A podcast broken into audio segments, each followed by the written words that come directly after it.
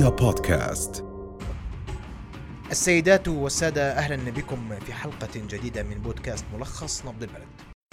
حديثنا حول تفاصيل تخفيض التعرفة الجمركية من المستفيد أهمية ذلك على الاقتصاد بشكل عام؟ هذه التفاصيل وناقشها مع ضيفي الأستاذ زيان زواني الخبير الاقتصادي أستاذ زيان مساء الخير. أهلا وسهلا بك أخي محمد. سأستعرض ما أعلنته وزارة المالية اليوم حول التخفيضات الجمركية والناس اليوم لسه مش مستوعبة شو قصة 5% إيش يعني 5% شو اللي صار؟ عشان نكون أكثر وضوحا. تفضل. شو اللي صار وبشكل مختصر وسريع لضيق الوقت؟ تفضل. كما كنا نتحدث البلوزة الستاتية اللي كان ثمنها عشر دنانير مم. والرسوم الجمركية عليها 30% كانت تدفع 3 دنانير. الرسوم الجمركية يصير حقها 13 دينار. بصير حقها 13 دينار. ثمنها كان ظل زي ما هو 10 دنانير. الرسم نزل من 30% ل 5% شو صار بدفع عليها التاجر المستورد؟ نص دينار. وبالتالي صار ثمنها 10 دنانير ونص. لكن هذا هناك في هناك رسوم أخرى بتيجي. هو لم يتم تخفيض الهيكل الضريبي الجمركي بالكامل. هو تم تخفيض فقط الرسم الجمركي. هناك يأتي على الخمسة في المية هاي يأتي عليها رسوم أخرى. هاي ظلت ثابتة لكن فيما يخص بس هذا بده يمس المواطن مباشرة هذا في الواقع هذا قرار حكيم وصائب جدا اتخذته الحكومة. أنا بستعرض هون الأمثلة على الأصناف والرسوم الجمركية الحالية والجديدة اللي خفضت ل 5% تحديدا. يس. ألبسة أحذية إطارات سيارات قطع غيار سيارات ألعاب أطفال عسل مياه معدنية أسماك آه، طازجة ومجمدة أدوات منزلية أصناف آه، آه، غذائية عدد يدوية وحدات إنارة. هذه كلها خفضت ضريبتها لتصبح 5% 5% هذا بيمس الجميع. هذا لمصلحة المواطن المستهلك هذا لمصلحة التاجر المستورد هذا لمصلحة آه، السياسة النقدية لأنه هذا بيساعد ألا يصبح عندنا تضخم وبالتالي دائرة المستفيدين من هذا القرار دائرة واسعة. كذلك أريد أن أركز على قضايا أخرى بأمانة طرحتها الحكومة على لسان دولة الرئيس. بس أنت برأيك أنه هذا الموضوع أساسي وصائب وفي وقته. جاء متاخرا لكن كما نقول دائما أن تأتي متاخرا هذا الإعلان وإن كان متأخرا هو قرار صائب. اقتصاديا بحكي. اقتصاديا قرار صائب.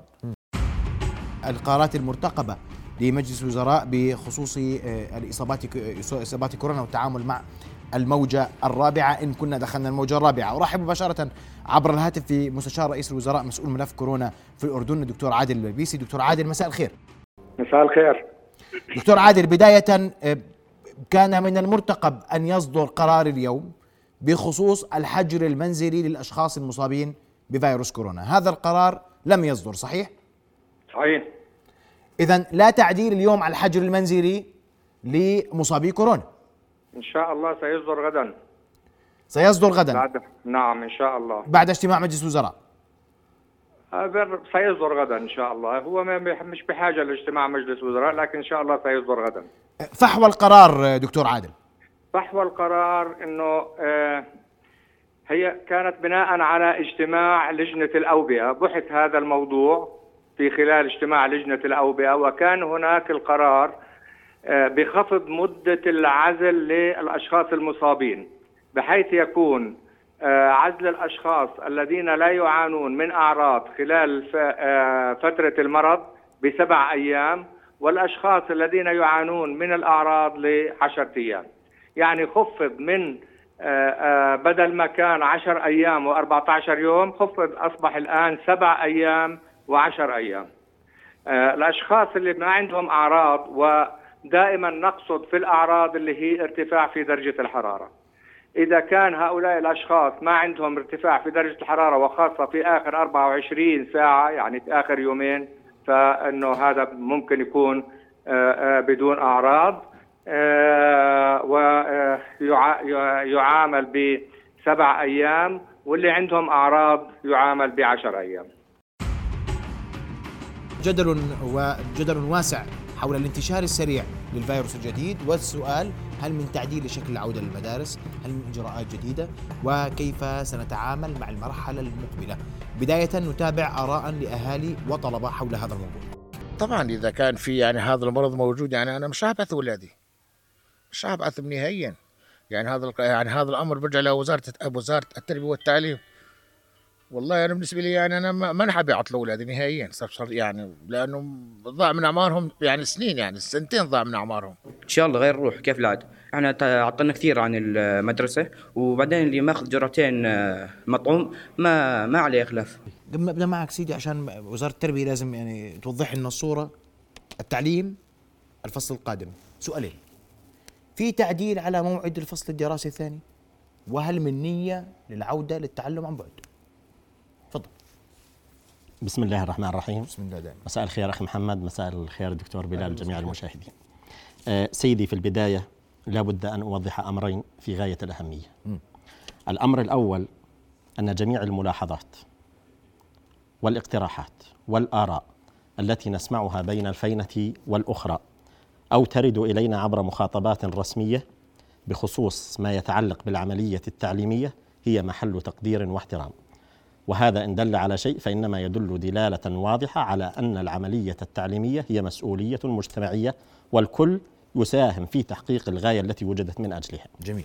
الأمر الثاني هو أننا في وزارة التربية والتعليم نعتبر التعليم الوجاهي هو الأساس وهو خيار استراتيجي لا عودة عنه.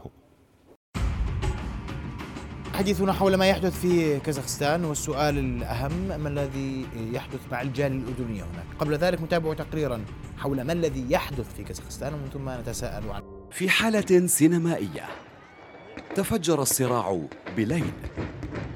العشرات لقوا حتفهم واعتقل الآلاف في كازاخستان خلال أسبوع. دولة عاشت الهدوء على مدار عشرين عاما تشهد الآن الأسوأ. انتفاضة شعبية فقدت الدولة السيطرة عليها. رئيس الدولة استنجد بالحلفاء وقوات حفظ السلام والنتيجة مظليون روس نزلوا وساهموا بالقمع. ولكن ما أصل الحكاية؟ بدأت الانتفاضة في المناطق الغربية الغنية بالنفط بعد أن قامت الدولة برفع أسعار ما يعرف بوقود الفقراء. خطوة الدولة الإصلاحية على حد زعمها لاقت نتائج عكسية فسرعان ما انتشرت الاحتجاجات مبنية على سوابق من الاستياء على فساد الدولة. الاحتجاجات أخذت صراعا سياسيا على صعيد الداخل فتبادل السياسيون التأجيج لنسف رموز حقبة سابقة أو إقالة الرئاسة الحالية. الغطاء العالمي على شكل الأحداث في كازاخستان هو ما تظهره بيانات البنك الدولي. أن نصيب الفرد من الناتج المحلي الإجمالي عام 2020 كان 9122 دولار وهو رقم يحقق استقرارا نسبيا للفرد مقارنة بدول الجوار المحيطة بها. لكن حديث الساسة وتصريحاتهم أن كازاخستان ونظامها السلطوي وقمع المعارضين كان فتيل أزمة. تم البناء عليه ونجح تأجيجه عند أول خطوة لامست شريحة كبيرة من الناس مما جعل الجانب الآخر يرمي بالاضطرابات في الدولة على أنها بسبب غالبية مسلمة نظمتها عصابات مسلحة تدربت في الخارج ولكن دون تقديم أدلة على ذلك. الحكاية من الداخل تحولت لقلق في روسيا وشرعية إصلاح بوجهة نظر أمريكية حيث أن الرئيس الروسي فلاديمير بوتين لم يبالغ بالقلق إزاء سرعة تحول الكازاخيين ضد السلطات. كما أكد أن الكرملين لن يرغب في المخاطرة بظهور حكومة موالية للغرب في كازاخستان خاصة بوجود تقارير تشير إلى أن الولايات المتحدة ستكون المستفيد الأكثر من السيطرة على كازاخستان وقلب نظام الحكم فيها لتحقيق أهداف استراتيجية جديدة وإضافة تهديد جديد للأمن القومي الروسي. صراع الداخل يتوسع والحديث عن تهدئة سريعة لن يكون واردا. وقود الفقراء سيزداد اشتعالا والطبقة الحاكمة لن تمسك يدها. عن القمع. إذا كان هذا تقرير حول ما آه، حدث ويحدث في كازاخستان. أرحب بضيفي الليلة ناطق إعلام باسم وزارة الخارجية هيثم الفول مساء الخير هيثم مساء الخير. أهلا بك وبحضورك تحياتي. لك ولجميع المشاهدين الكرام. يا سيدي أنا بدي أسأل عن حال الجالية الأردنية وسؤالي كيف تتابعون تطور الأوضاع في كازاخستان وأحوال الجالية الأردنية هناك؟ سيدي الكريم منذ اللحظات الأولى لوقوع آه، أحداث عنف آه، في كازاخستان آه، تم تشكيل خلية آه، أزمة في الوزارة تعمل على مدار الساعة لمتابعة الأوضاع هناك وتفقد آه، أحوال الأردنيين والإطمئنان عليهم. كما تعلم سيدي الكريم آه، لوزارة الخارجية وشؤون المغتربين آه، إجراءات عمليات آه، معيارية آه، يتم تفعيلها وقت الأزمات أو عند حدوث ظروف استثنائية أو ظروف غير طبيعية مثل كارثة معينة أو زلزال أو ما شابه. يتم تفعيل خلية أزمة لتفقد أوضاع الأردنيين آه، في البلد المتضرر. فبالفعل آه، فعند وقوع أحداث عنف اندلاع أحداث عنف منذ اللحظات الأولى فعلت الوزارة آه، خلية الأزمة وإجراءها الأولي كان بنشر تحذير للمواطنين الأردنيين آه، تحديد آه، أرقام آه، طوارئ آه، للتواصل مع السفارة ومع مركز آه، عمليات الوزارة. قامت آه، الوزارة فورا آه، آه، باللجوء إلى ما نسميه خطط الطوارئ آه، الخطط اللي تستخدم في مثل هذه الحالات من أجل آه، متابعة أوضاع الأردنيين والمتابعة معهم. جدل حول حريات المرأة حقوقها والضمانات بالمساواة والعدالة. هل نحتاج لاتفاقيات لضمان حقوق المرأة؟ تفاصيل أناقشها ليلة مع عدد من الضيوف. أرحب بداية بضيوف الكرام الأستاذ صدام أبو عزام الأستاذة حياة المسيمي والأستاذ زيت نصراوين والأستاذة عبلة أبو علبة. مساء الخير ضيوف الكرام أهلا بكم في نبض البلد. أبدأ من الأستاذة عبلة أبو علبة. أستاذة عبلة عندما نتحدث عن حقوق المرأة نتحدث عن سيداو. والسؤال سيداو بمفهومها العام هي اتفاقية للقضاء على جميع أشكال التمييز ضد المرأة. تتفقين؟ تختلفين؟ مع ذلك. شكرا جزيلا. أود أن أصوب ابتداء أننا عندما نتحدث عن حقوق المرأة فإنما نتحدث عن تاريخ الحركة الوطنية الأردنية وتاريخ الحركة النسائية الأردنية منذ أربعينات القرن الماضي. ولدي كثير من الاستشهادات والإثباتات على هذا والحقائق التي يجب أن يعرفها كل أردني رجلا كان ابتداء عام 1944 شارك وفد نسائي أردني في أول مؤتمر نسائي عربي عقد في القاهرة وحضرته ست دول عربية والوثيقة الصادرة عن هذا المؤتمر أكدت على وربطت بجدلية ممتازة بين الوطني السياسي والاجتماعي حقوق المرأة نصت يعني نصت على ضرورة تحرر المرأة من كافة القيود التي كبلت كبلها بها الاستعمار أمية وتخلف وجهل وعدم وجود رعاية صحية وإلى آخره. هذا كان عام 1944 وعندما وعندما أنشئ أول اتحاد نسائي عام ل 54 نص في برنامجه الرئيسي على هذه الحقوق. أود أن أقول إنصافا للحركة النسائية الأردنية أنه منذ ذلك الوقت لم تتوقف الحركة النسائية الأردنية بكل مؤسساتها عن المطالبة بالحقوق نقصد الحقوق الاقتصادية والاجتماعية بمعنى المساواة في الحقوق المنصوص عليها في الدستور الاقتصادية والاجتماعية ولا أحد يتحدث أو يطال الخصائص الطبيعية للمرأة والرجل لا أحد عاقل يمكن أن يطال هذه المسألة التي لا أحد يعني تطرق لها اطلاقا. في حلقة الليلة نبحث أبرز تصريحات رئيس الوزراء اليوم والحكومة بعمومها عن جملة من القرارات الاقتصادية التي ستتخذ خلال الفترة المقبلة من شأنها وفق التصريح الحكومي إعادة هيكلة الاقتصاد الأردني. الحديث عن أبرز ما جاء اليوم في مؤتمر رئيس الوزراء الصحفي. أرحب بضيوفي الكرام دكتور جواد العناني نائب رئيس الوزراء الأسبق. مساء الخير دكتور جواد. الفل. أرحب أيضا بالأستاذ خالد أبو حسان عضو مجلس النواب. مساء الخير أستاذ مساء النور. ودكتور جواد جواد أبدأ منك. جملة من القرارات اليوم التي ستتخذ خلال الفترة القادمة إعادة شكل الاقتصاد إعادة ترتيب الاقتصاد. رأيك بما ورد اليوم بعمومه قبل ما أدخل في التفاصيل؟ تقديري أن الحكومة أخذت خطوات جريئة كانت تتحدث عنها من فترة والآن أخذتها. الآن يعني سنرى أثرها وعلى مجمل الاقتصاد وأعتقد أنها تصب في الاتجاه الصحيح وسنفصل ذلك لاحقا. أما هذا بشكل مختصر رأيي. بشكل مختصر القرارات اتخذت اليوم قرارات جريئة جريئة وتصب في الاتجاه الصحيح نحو إعادة هيكلة الاقتصاد الأردني والاستفادة من ميزاته النسبية التي ما كنا نجرؤ بسبب حرصنا الشديد على أن تكون آه، إيرادات الخزينة ثابتة ومستقرة. لكن كانت النظرة نظرة قصيرة الأجل الآن أصبحت نظرة فيها استراتيجية وفيها عمق أكثر. نعم. أستاذ خالد أسمع وجهة نظرك من ورد اليوم على لسان الحكومة. يعني اليوم أنا باعتقادي إنه آه، الحكومة آه، بدأت بأخذ قرارات حقيقية بالمس المواطن والمستثمر والاقتصاد بشكل مباشر لأنه اليوم إحنا بحاجة بالاقتصاد الأردني لإجراءات آه، قصيرة المدى وإجراءات طويلة المدى.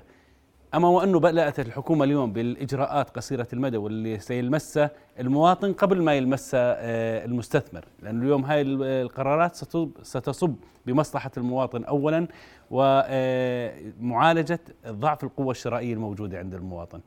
فلذلك اليوم أنا باعتقادي إنه آه، قرارات جريئة مثل ما تفضل معالي معاليه بشكل مباشر سيكون لها أثر على الاقتصاد سيكون لها أثر على تحريك عجله الاقتصاد خلال الفترة القادمة وستعالج يعني معظم المشاكل الموجودة عندنا وخصوصا آه، بقطاع التجاري. لأول مرة اليوم القطاع التجاري سيلمس قرار آه، بشكل مباشر من الحكومة. القرار القطاع التجاري أكبر مشغل اليوم موجود آه، بالأردن.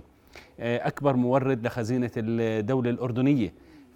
هذا القطاع منذ مدة لم يلمس أي قرار يصب في مصلحته. باعتقادنا اليوم الحكومة بدأت باتخاذ القرارات الجريئة التي من شأنها تحريك. عجلة الاقتصاد. ما تتحدث عنه أستاذ خالد هي التعرفة الجمركية مش هيك؟ نعم. ابتداء. وأسمع رأيك في موضوع التعرفة الجمركية دكتور جواد. التعرفة الجمركية أولا لها تعقيداتها بسبب كثرة الفصول التي تطبق عليها وأحيانا تؤدي كثرة التفاصيل إلى خلق فجوات ينفذ منها من يريد أن يخالف القانون فتؤدي إلى التهرب الضريبي والتجنب الضريبي. فهذان أمران أنا بعتقد أن تبسيط الإجراءات أولا هو عملية مهمة. الأمر الثاني الذي يجب أن ندركه بأن تخفيض الجمارك بالذات رغم أنه لم يعد يشكل مصدر الإيرادات الأساسي للدولة الأردنية لخزينة الدولة الأردنية. في السابق لما كنا في نحسب إحنا في البنك المركزي يعني إيرادات الحكومة كانت ضريبة الجمارك هي أعلى محصل للدولة. ويأتي بعد أعلى إيراد للخزينة كانت الجمارك. كانت الجمارك. اليوم الجمارك هي أقل بكثير يعني لا تشكل نسبة بسيطة من مجموع مثلا ما تحصله دائرة ضريبة الدخل وضريبة المبيعات. فهذا هناك هو التركيز الحقيقي آه، في في الدولة لذلك أعتقد بأنه تسهيل عملية الجمارك ستفتح افاقا جديدة أمام الاقتصاد الأردني. الأمر الثالث على الحكومة أن تدرك بأن أي قرار تأخذه سيكون رابحون وسيكون هنالك خاسرون. الآن ماذا ستفعل بالخاسرون لذلك لم يجعلوها بندا واحدا قسموها إلى أربعة بنود وذلك حتى تستطيع أن تتخذ قرارات قرارات متعلقة بالصناعة على سبيل المثال حتى لا تؤثر على الصناعة. علما بأن الصناعة في العالم تعطى مهلة زمنية لكي تصبح منافسة. آه، تدعمها يعني توجهها لكن تعطى فترة فترة مناسبة. في حصيلة الأمر إذا الحكومة طبقت هذا القرار بالأريحية المطلوبة له إيش يعني أريحية؟ أريحية بمقصد أنها لا تدخل في تعقيدات تجعل من عمليات التخفيض فرصة للتنكيد على الناس ضمانا أنهم لا يغشون. يعني كثير من الأحيان إحنا بنتبنى كثير بتبدأ الأمور سهلة بعد ذلك بنبدأ نضيف رسم هنا رسم هناك آه بعدين نخش في قاعدة أحسن طريقة بنبلش ننكد آه بنخش في قاعدة إيش آه قاعدة آه آه إنه أحسن طريقة لعدم الطلاق وعدم الزواج. فبنلغي هالاعفاءات وبنمشي في بنمشي في هذا الأسلوب. فأنا في في رأيي إنه آه، بدنا ننتبه إنه آه، بدك توازن ما بين القرار هذا والقرار اللي بمس جهات لأنه تخفيض الجمارك سيمس بعض الجهات المهمة في الاقتصاد الأردني كالصناعة على سبيل المثال. فإذا استطعنا أن نخلق هذه هذه التشكيلة من القرار بحيث يصدر قرارا يعرف الصناع فيه أنهم مع- معطون هذه الفرصة لمدة من السنوات عليهم أن يبذلوا خلالها الجهد ليكونوا منافسين حتى نوحد في الأخير الجمارك كما تفعل كثير من دول العالم الآن في الوقت الحاضر. طيب والمهم إنه ما نكدش على الناس؟ آه ما. نرسم من هنا. آه إنه نجعل التخفيض هذا مناسب لننكد عليهم. الحكومة ستطبق أسعار الكهرباء الجديدة نهاية أذار المقبل. تفاصيل التعرفة الشرائح الدعم المقدم نناقشها مع ضيوفنا يكون المهندس فراس العجارمي رئيس لجنة الطاقة النيابية. مساء الخير مهندس فراس. أهلا بك. ورحب أيضا بالأستاذ هاشم عقل الخبير الاقتصادي. مساء الخير أستاذ هاشم. أهلا بك. مهندس فراس بداية أسمع منك وجهة نظرك. الحكومة اليوم عم تقول بدنا نعيد تعرفة الكهرباء. ثلاث شرائح فقط. لا هم مسمينها اسم ثاني اسم حلو. آه. آه. إزالة التشوهات. كويس. إزالة التشوهات. نعم. شو رأيك في إزالة هي الدقة التشوهات؟ معالجة التشوه معالجة التشوهات. طيب. يا سيدي من. من من ست شرائح إلى ثلاث شرائح فقط. نعم. من سبعة. داعم من. سبع شرائح آه. إلى ثلاث شرائح. كويس. يا سيدي آه، بداية آه، المشروع كله زي أي مشروع تتقدم فيه الحكومة في له إيجابيات وفي له سلبيات. كويس. تحدث لك عن الإيجابيات أول شيء يلا ماشي خلينا إيجابية. الإيجابيات في موضوع ما يخص القطاع الصناعي والقطاع التجاري والقطاع الزراعي والقطاع السياحي. كلها قطاعات راح تستفيد بنسب متفاوتة من التعرفة الجديدة. يعني يكفيهم إلغاء الحمل الأقصى هذا بحد ذاته إنجاز, إنجاز. وكان مطلب لكل القطاعات. جميل. آه نيجي يعني القطاعات الصناعية التجارية السياحية والزراعية مستفيدة نعم من هذه نعم التعرفة مستفيدة الجديدة من هذه التعرفة بشكل كبير. بنسب متفاوتة ولكن الاستفادة الكبرى إلغاء ال- الحمل الأقصى. يعني القطاع الصناعي. نعم. طيب. نيجي. على ال- القطاع اللي يعنيني أنا واللي بيهمني بالدرجة الأولى القطاع المنزلي. القطاع المنزلي تقول دراسات وزارة الطاقة أن الشريحة من واحد ل 300 كيلو وات تمثل 58% من مستهلكي الكهرباء ومن 301 ل 600 35% ومن 601 لل 1000 6% وأكثر من 1000 1%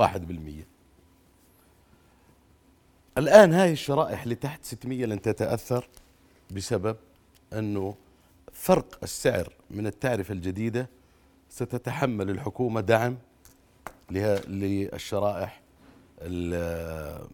الشريحتين اللي واحد 300 واحدة. و300 وواحد 600 هذول بتحملهم الحكومة. بالضبط أنا بعطيك هسه الشريحة. من واحد ل 300 في عندك من خ- 51 ل 200 كيلو وات ساعة راح يجي دعم على الفاتورة دينارين ونص. مشان يوازيها بما كان يدفع بالسابق. ومن 201 ل 600 راح يجي دعم دينارين مشان يضل يدفع نفس الكمية.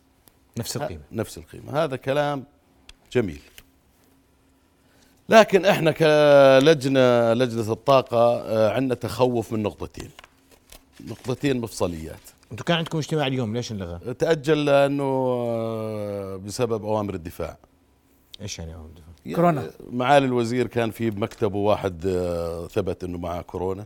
فاضطروا اليوم يعملوا فحوصات إلى ساعة متأخرة لما تيقنا إنه معالي سليم الحمد لله. فبكرة الساعة 2 اجتماع لجنة الطاقة في مجلس النواب. طيب. آه كنا نقول إنه عن آه التخوف. تخوفين قلت. تخوفين. التخوف الأول تجربتنا مع كل الحكومات في قضايا الدعم تجارب سيئة. إيش قصدك؟ اجى مشروع زي هيك قالوا الخبز في ناس كثير بأخذ خبز مدعوم غير أردني. فبدنا نوصل الدعم للأردني. مشى الدعم فترة بعدين في دعم على الخبز هسه؟ ما في.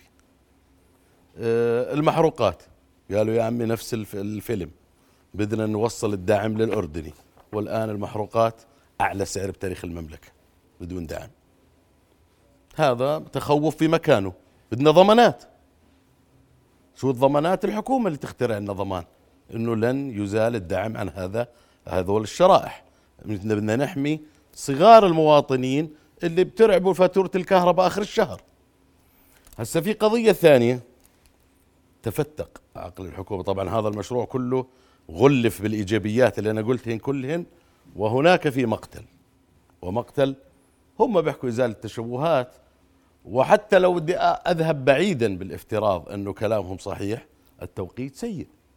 أنت الآن بتقول للأردني أنا بدي أعطيه دعم على عداد واحد. طيب.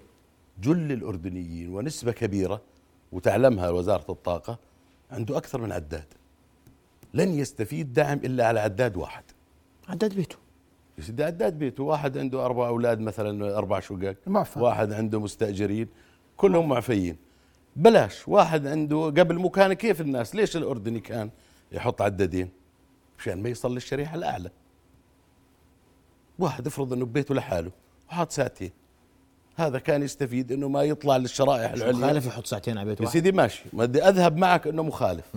بدي أذهب معك ماشي. إنه هو هذا آه، قاعد بيستفيد. طب أنت شو قدمت له؟ هل رفعت راتبه؟ هل قدمت لابنه وظيفة؟